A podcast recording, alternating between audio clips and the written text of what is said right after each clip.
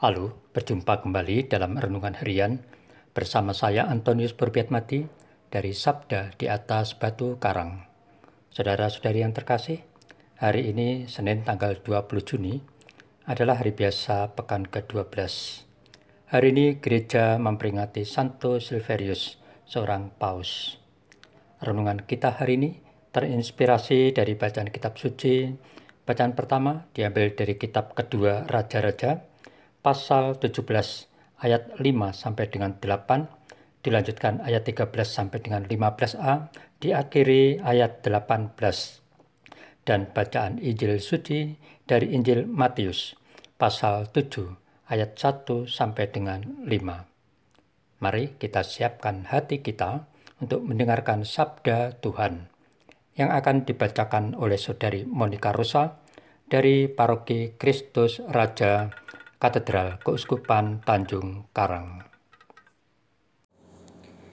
Dalam khotbah di bukit, Yesus berkata, "Janganlah menghakimi, supaya kalian tidak dihakimi, karena dengan penghakiman yang telah kalian pakai untuk menghakimi, kalian sendiri akan dihakimi, dan ukuran yang kalian pakai untuk mengukur."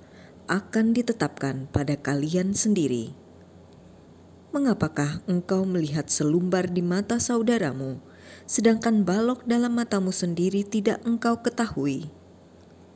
Bagaimanakah engkau dapat berkata kepada saudaramu, "Biarlah aku mengeluarkan selumbar itu dari matamu," padahal di dalam matamu sendiri ada balok?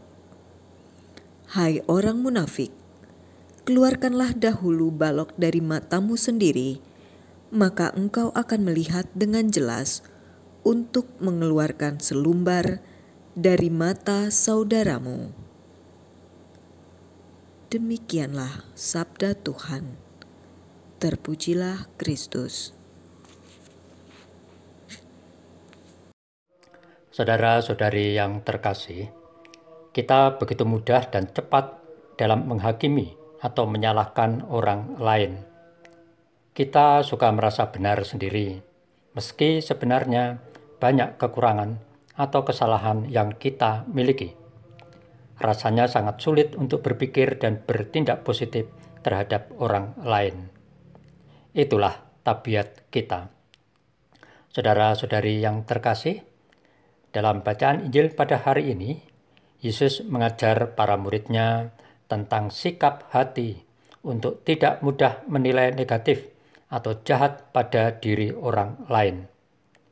Yesus mengajak agar selalu mawas diri, introspeksi, menata pikiran, tutur kata, dan perbuatan kita sendiri sebelum memberikan penilaian terhadap diri orang lain. Saudara-saudari yang terkasih, memang tidak mudah bagi kita untuk mau mawas diri akan kelemahan diri sendiri dan memiliki tabiat positif terhadap orang lain.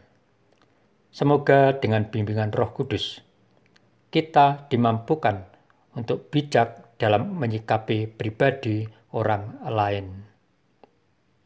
Ya Yesus, semoga aku mampu melaksanakan pengajaranmu hari ini. Amin.